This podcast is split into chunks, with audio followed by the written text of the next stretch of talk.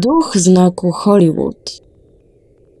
Jako obiecująca aktorka, Peg Ann Whistle zdobyła tylko umiarkowane zainteresowanie, jednak jej duch stał się obiektem hollywoodzkiej legendy. Nocą 18 września 1932 roku aktorka Peg Ann Whistle weszła na strome zbocze Mount Lee w Los Angeles, w miejsce słynnego znaku Hollywood. Napis przedstawiał wówczas nazwę Hollywoodland. Zdjęła swój płaszcz i starannie go poskładała. Ściągnęła torebkę i wspięła się po drabinie znajdującej się za wysoką na 50 stóp literą H. Przez chwilę stała na jej szczycie, podziwiając olśniewające światła miasta, a następnie skoczyła, unosząc śmierć.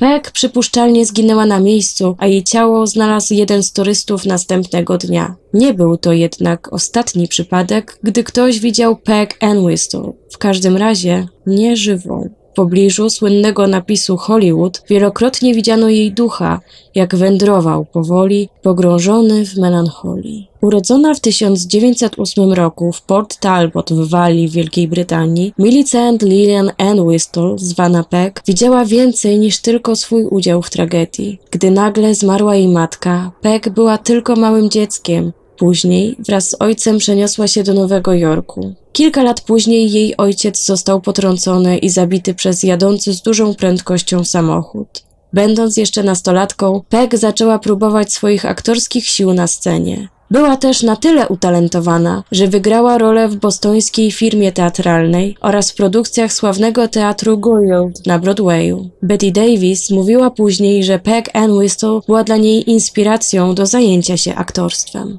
Mając 19 lat, poślubiła aktora Roberta Kiffa tylko po to, by odkryć, że był już wcześniej żonaty i miał sześcioletniego syna. Para rozwiodła się. Peg udało się znaleźć pracę na scenie w produkcjach z udziałem takich gwiazd jak Dorothy Gish i Laurette Taylor. Już wtedy jednak toczyła walkę z demonami depresji. Niemniej jednak zwróciła uwagę na Hollywood i w 1932 roku przeniosła się do Los Angeles w nadziei na otrzymanie ról w filmach. Początkowo znalazła pracę na scenie. Potem jednak wydawało się, że jej przeznaczenie rzeczywiście się zmieniło, gdy RKO zaprosiło ją do występu w filmie 13 kobiet z Irene Dunne. Gdy po pokazach przedpremierowych film zebrał kiepskie recenzje, studio wyedytowało go, a większość scen z udziałem Peg wylądowało wycięte na podłodze. RKO natychmiast zerwało plany kontraktowe z Peg. Nocą 18 września 1932 roku z powodu depresji i desperacji, wypiwszy dużą ilość alkoholu, 24-letnia Peg Ann Whistle powiedziała wujkowi, z którym wówczas mieszkała, że wychodzi, aby spotkać się z kilkoma przyjaciółmi mi w miejscowej aptece. Zamiast jednak do apteki, poszła w miejsce, w którym stoi znak Hollywood, by tam spotkać swój koniec.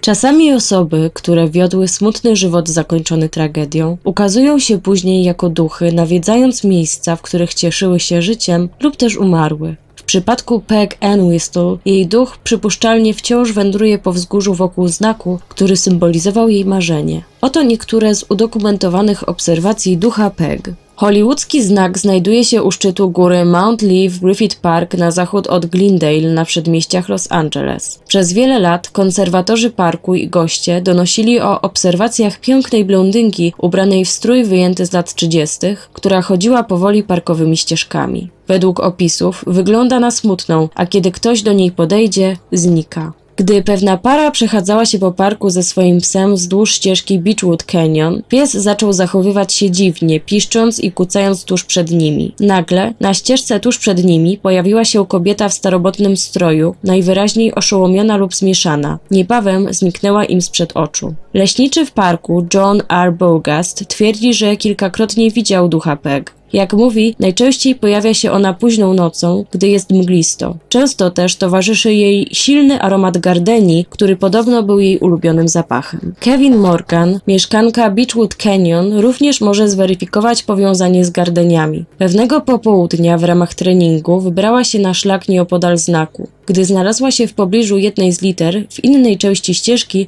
zauważyła kobiecą postać. Dla mnie wyglądała ona bardzo dziwnie powiedziała Morgan. Miała bardzo eteryczną jakość. Zamiast iść, wydawała się nieomal ślizgać. Nie unosiła się w powietrzu, nie wyglądała jak duch, ale było z nią coś naprawdę bardzo dziwnego. Wyglądała też na bardzo lekką.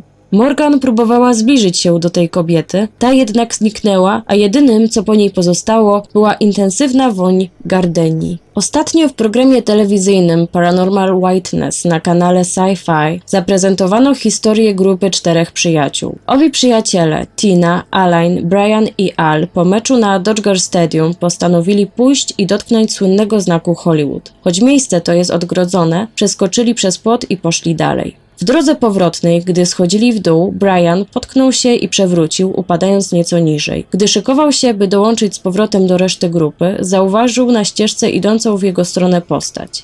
To była kobieta ubrana w stylu podobnym do lat 30. Dowiadujemy się z programu wyemitowanego przez Sci-Fi. Miała buty na obcasach, a twarz zasłonięta była welonem. Bez wysiłku szła pod górkę jej kroki nie powodowały żadnego dźwięku.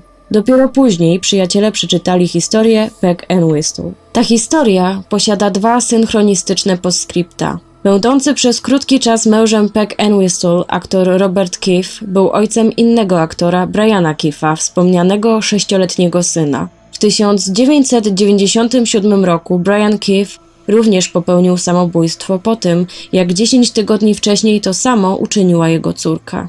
Niedługo po śmierci Peck and Whistle pod jej adres przyszedł list z Hollywood Playhouse z propozycją wzięcia udziału w przedstawieniu teatralnym. Postać, którą Peck miała odegrać, popełnia samobójstwo.